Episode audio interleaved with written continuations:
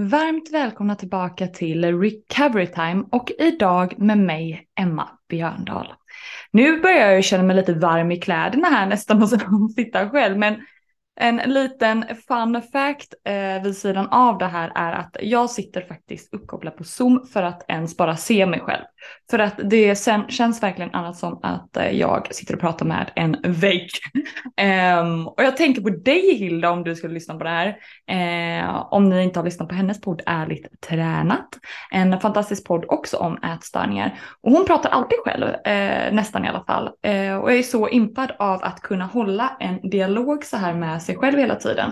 Men det ska nog inte vara några konstigheter egentligen för att prata, det har jag inga konstigheter med. Men jag tänkte återkoppla lite på mitt senaste solavsnitt när jag berättade om Bex eller Rebecka. Om varför hon har varit eh, ja, men, ifrån podden bland annat, eh, Facebookgruppen och, och så vidare. Om ni inte har gått med i Facebookgruppen och lider av ätstörda tankar och beteenden så får ni jättegärna gå med där om ni inte redan har gjort det. Och den heter One, Two, Three, 1, 2, 3. Um, och där har varit väldigt uh, mycket liksom, um, ja, inlägg och sådär från både min och Rebeckas sida men har blivit mindre nu de senaste veckorna. Um, av olika anledningar men framför allt det som jag berättade i det senaste solavsnittet. Så har du inte lyssnat på det så gör det. Men jag fick en rad frågningar om framför allt SIBO efter det avsnittet. Och jag vet att många som kanske följer mig på sociala medier eller i den här podden eh, följer också mig av att jag pratar mycket om maghälsa, hormonhälsa och så vidare.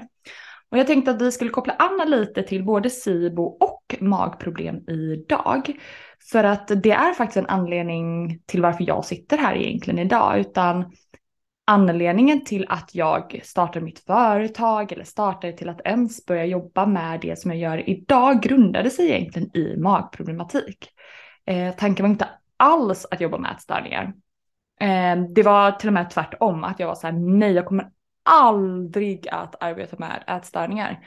Eh, och jag minns så väl när mina föräldrar, när jag var, eh, ja men jag hade väl mitt i, eller i slutet av min recovery eller precis kommit ur den eller vad man ska kalla det, så, så pratade många gånger mina föräldrar och anhöriga att så här, gud du borde ju verkligen jobba med det här. Och jag kände bara så här, jag kommer aldrig att jobba med det här.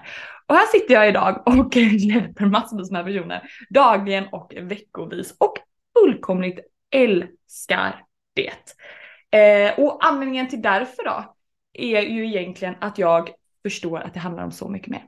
Alltså precis som du är komplex, jag är komplex, livet är komplext, vi alla är komplexa på olika sätt.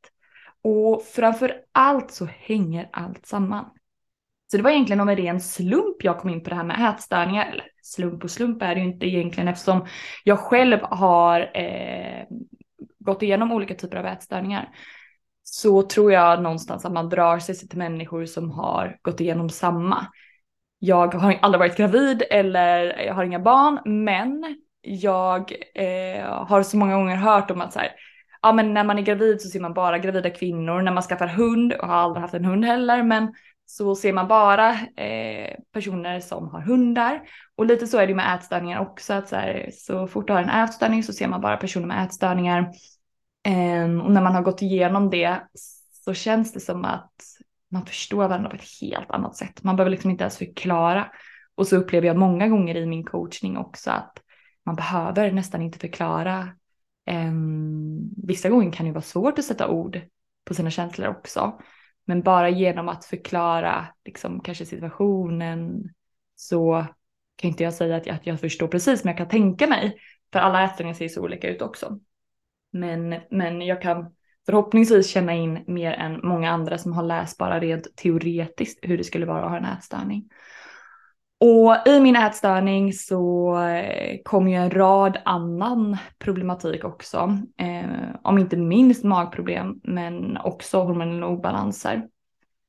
Och det var där någonstans för mig för att magproblematiken den höll i sig länge.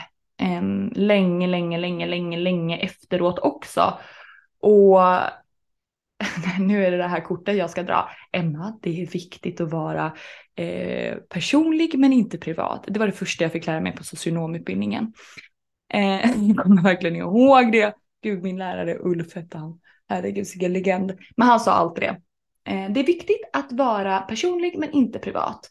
Men nu går jag ju in i både personlighet och privat här. Jag har ju svårt att särskilja på det här. Men jag hade i alla fall sån magproblem att jag fick liksom åka och tömma mig på sjukhuset. Alltså det var absolut stopp så att säga. Um, och det var, alltså uppsvälldhet var liksom mitt förnamn, gaser, eh, men framför allt att jag aldrig kunde gå på toa. Jag var så himla förstoppad. Och jag minns så väl att jag, gud jag kan inte säga snatta, det gjorde jag verkligen inte. Jo fast det gjorde jag, det gjorde jag ju faktiskt. Rent krasst. Jag sprang alltid in på Espresso House, eh, för de hade så här små påsar med suketter. Eh, som man kunde ha i kaffe och te och sådär. Och eh, jag sprang alltid in och tog det, även om jag liksom inte köpte en kaffe. Och sög på dem. Alltså usch, jag får typ gåshud när jag tänker på att jag gjorde det här. Så äckligt. Men det var typ det enda som fick igång min mage för att jag hade testat Läkerol, alltså Läkerol, alltså jag kan kränga 20 fortfarande idag och det händer absolut noll. Jag blir lite bubblig typ. Men, ehm, men det, var, det var typ det enda som, som hjälpte och drack mängder med kaffe. Och att sluta på kaffe då, nej men det fanns ju inte på världskartan. Min mage kommer ju aldrig funka utan kaffe. Alltså, det var ju det enda som fick igång min mage på morgonen. I, och då menar jag igång att jag kände att den fanns typ. Ehm, och så hade jag tur kunde gå på toa. Så att i, i, vid vissa tillfällen så behövde jag åka och tumma mig. Och det här var ju framför allt när jag var sjuk. Eh, då var det riktigt illa med magen. Men sen eh, desto friskare jag blev så blev det bättre men ändå inte bra. Så därför blev min hjärtefråga någonstans att så här, gud, magen eh, hör så samman med vårt mående för det här påverkade mig jättemycket. Och framför allt mentalt. Och gud, jag ska inte fastna i det samtalsämnet. Jag brinner lika mycket för Säg någonting du inte brinner för med hälsa Emma. Men eh, framför allt maghälsa för att det hör så samman med vår mentala hälsa. Och mentala hälsan, alltså det, den är ju superviktig. Den är ju alltså, viktigast av allt om inte annat. Så att när vår mage-tarm inte mår bra, nej men alltså då kommer det att påverka vår mentala hälsa. För att det har som en tvåvägskommunikation mellan vår mage-tarm och vår hjärna och de pratar samman hela, hela, hela, hela tiden. Så när jag började att intressera mig mer av hälsa och började utbilda mig i det så förstod jag att gud så mycket som kommer från min magetarm. På den tiden så åt jag också antidepressiva som att det vore omega-3. Eh, typ, alltså på riktigt. Jag hade liksom ingen alltså reflektion överhuvudtaget om varför jag åt antidepressiva. För mig var det bara så här, ja alltså eller det gör jag väl. Jag hade liksom verkligen, ja, ingen tanke överhuvudtaget på det. Eh, tills jag fick ett ryck och bara sluta på det. Eh, alltså rekommenderar absolut inte. Och det här har jag gjort några gånger. Utan i samråd med läkare då. Och det blir ju åt skogen varje gång. Men jag kände vid något tillfälle när jag började ta tag i min hälsa så var jag sådär, nej, gud, varför äter jag de här? Hur mår jag egentligen? Och vid det, vid det den händelsen, den situationen så, så hade jag genomgått eh, psykolog och terapeut och så här, så att jag visste någonstans att så här, nej men det är inte det jag ska göra nu heller. Utan då börjar jag med det coolaste verktyget som finns på denna jord eh, på riktigt. Det är eh, ansikts och tungdiagnostik. Och det är någonting som jag jobbar med idag. Men då kom jag i kontakt med en tjej som jobbar med detta. Och jag tyckte att hon var den coolaste tjejen på, eller tycker fortfarande att hon är. Eh, hon är fantastisk och så jäkla grym eh, och hjälpte mig. Och eh, förklarade då att så mycket kom från min tarm. Så i takt med att jag började stötta min tarm så kunde jag också minska på min antidepressiva. Och nu säger jag inte om du som lyssnar här sitter på antidepressiva och tänker att ja, ah, men vad bra, då går jag och köper lite probiotika och så jobbar med min tarm och så slutar jag på antidepressiva. Nej, utan det här måste ju verkligen göra i samråd med läkare och i att du har hjälp. Liksom så här. Alltså vi stöttar magetarm på så många olika sätt. Så att eh, jag var mogen för det där och då. Eh, och hade gått på det så många år. Så att jag vill verkligen så att bara verkligen belysa det så att inte någon som lyssnar nu känner att så här, men då gör jag någon snabb vändning här. Eh, utan jätteviktigt att ha eh, kontakt och råd med sin läkare. Men eh, i alla fall när jag började stötta magtarmen så började jag också må bättre mentalt och kunde till sist men inte minst sluta på min antidepressiva. Och kunde också då börja närma mig mina egna känslor vilket var jätteläskigt. Men också jättebefriande. Um, så många saker som jag inte hade känt men visste att jag skulle känna. Gud vad flummigt sagt. Och nu kanske du tänker vad fasiken menar du? Det jag menar är att jag visste att jag grät för vissa saker. Jag visste att jag skrattade för vissa saker. Men jag gjorde inte det. Och när jag då slutade på antidepressivan och började göra det så tyckte jag det var jätteläskigt också. Att så här, men gud varför gråter jag till det här? Och jag är verkligen en person som, som också skäms för att jag gråter typ till Paradise Hotel. Men jag gör verkligen det. Och jag, men jag gråter till alla program. Alltså det är Sveriges Mästerkock, det är, det är Idol, det är Paradise Hotel, det är Love Island, alla de här eh, dokusåporna. Och jag visste att jag gjorde det men jag kunde inte alltid göra det och jag vet att jag gråter på begravningar exempelvis och det var verkligen en sån sak som var så här, hej, kände inte det ett tag. Eh, och för mig var det jätteläskigt att inte känna de känslorna heller. Eh, men också sen när jag helt plötsligt började känna alla de här känslorna som ett brev på posten. Jag fattade ju ingenting då.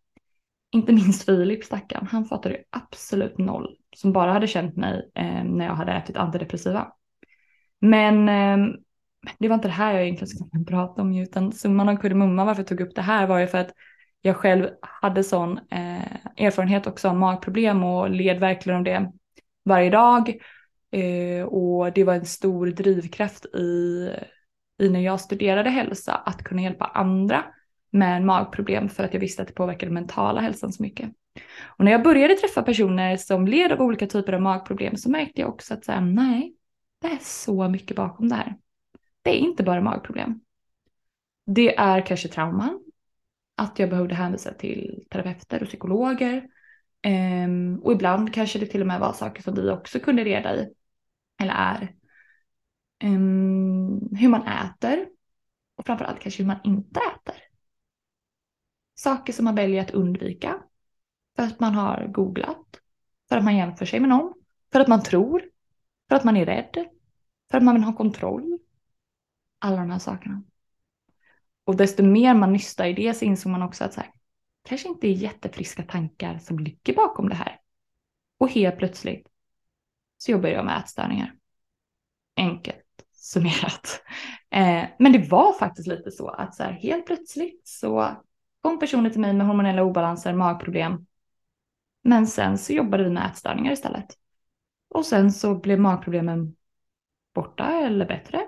Hormonella obalanserna i form av att man hade oregelbunden mens, utebliven mens, PMS. Så blev det också bra. Och det grundade sig egentligen inte i de sakerna, utan det grundade sig i tankar, beteenden. Det vill säga ätstörda tankar och beteenden.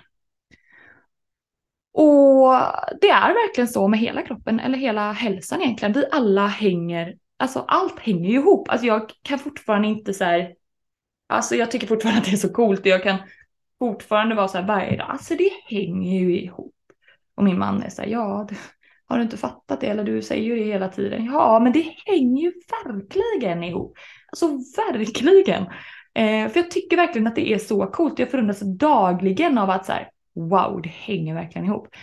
Um, och precis samma som alla typer av magproblem och som vi pratade om Rebecka här med SIBO exempelvis.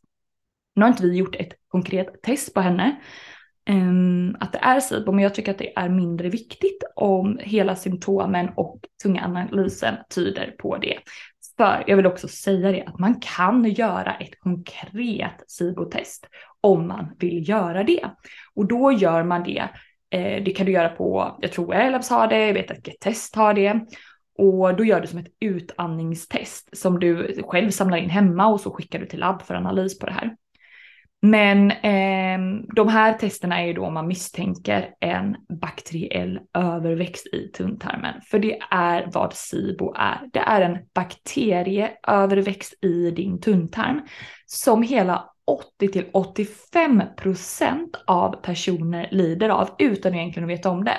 För att 80 till 85 procent av personer som har IBS-liknande symptom har visat sig ha en överväxt i tunntarmen.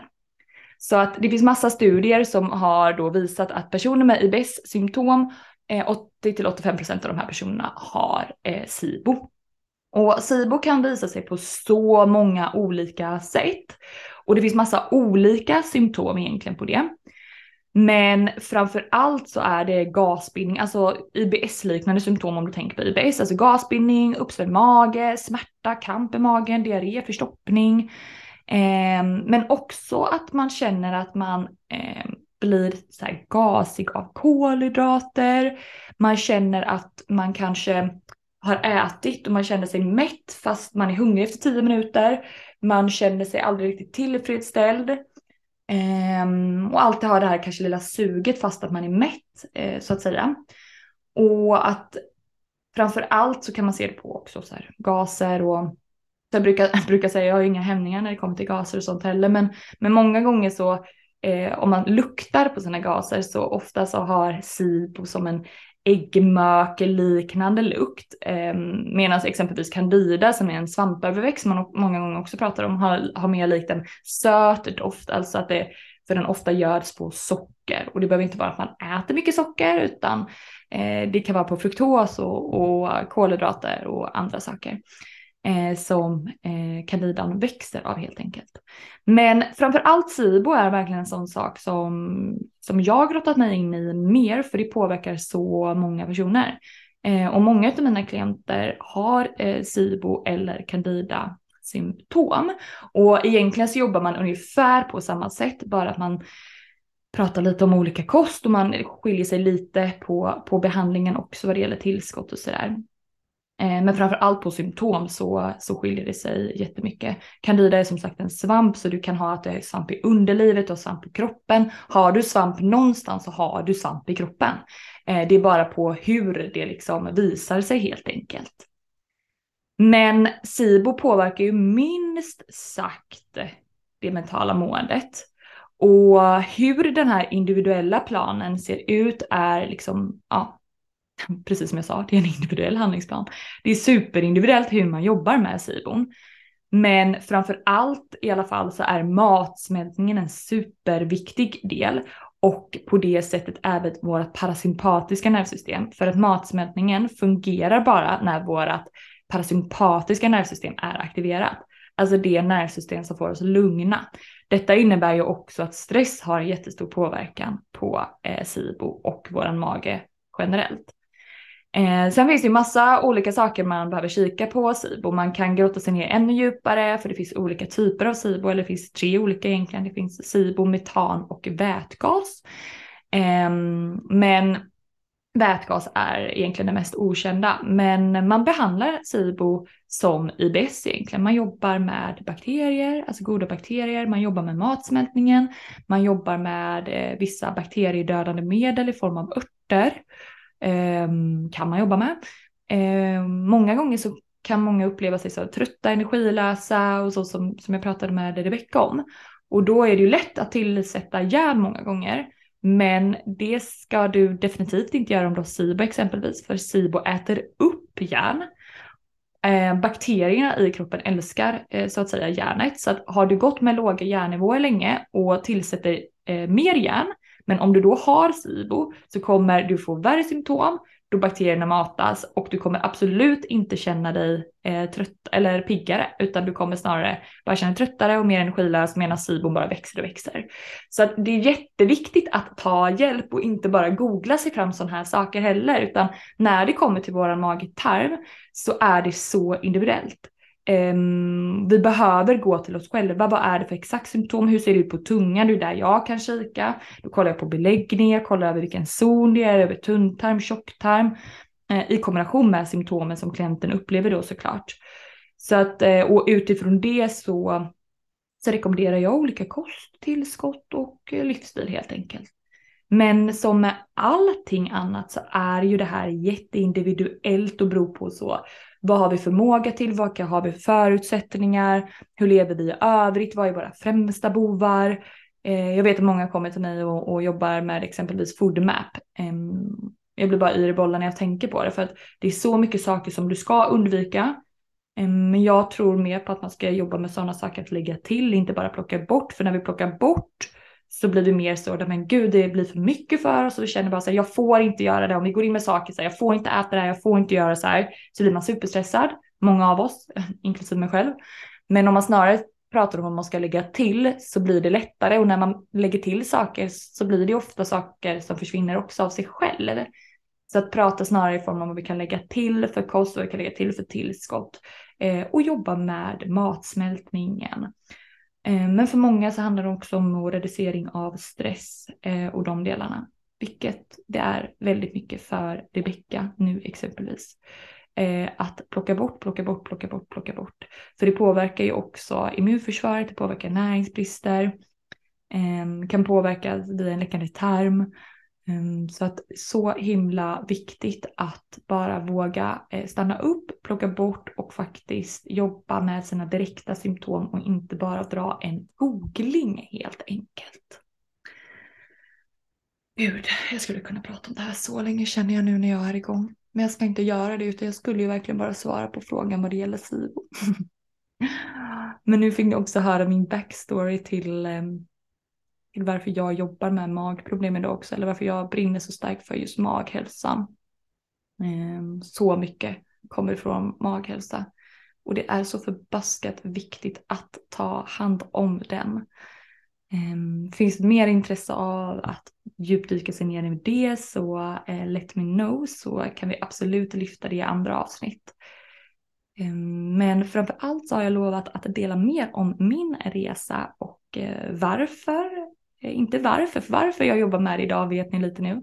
Men eh, hur min resa sett ut och min filosofi, på vilket sätt jag arbetar och vad som är viktigt för mig. Så om du är nyfiken på det, håll utkik i kommande avsnitt. Ehm, och är det någonting ni saknar, vill lyssna mer om, bara ha input eller bara feedback, kärlek, vad som helst. Eh, berätta, skriv, skriv i Facebookgruppen, skriv till mig, skriv till Rebecka, till vårt eh, Instagramkonto. Eh, vart som, hur som. Vi älskar att höra ifrån er och jag älskar att prata med er. Så gör det. Tillsammans gör vi skillnad genom att lyfta mental ohälsa, ätstörningar, allt det här. Så himla viktigt. Och ehm, desto fler vi är som lyfter det, desto snabbare kan vi minska på det. För att vi kommer att minska på det. Men jag vill göra det snabbt också. Det är så många som lider i onödan. Tack snälla för att just du har lyssnat på mitt babbel här. Och tack för att du lyssnar på våran podd. Du är fantastisk. Ha en superfin dag, kväll, morgon eller när du än lyssnar på det här. Puss och kram.